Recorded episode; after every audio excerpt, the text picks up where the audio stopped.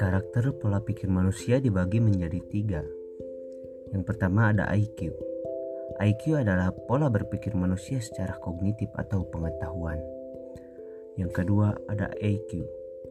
EQ adalah pola pikir manusia yang cenderung mengarah pada kreativitas atau perilaku seseorang. Dan yang terakhir ada SQ.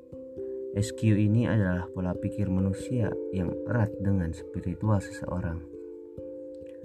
Ketiga hal tersebut saling berkaitan satu sama lain. IQ tanpa IQ itu bagaikan perahu yang tak punya tujuan akhir untuk berlabuh.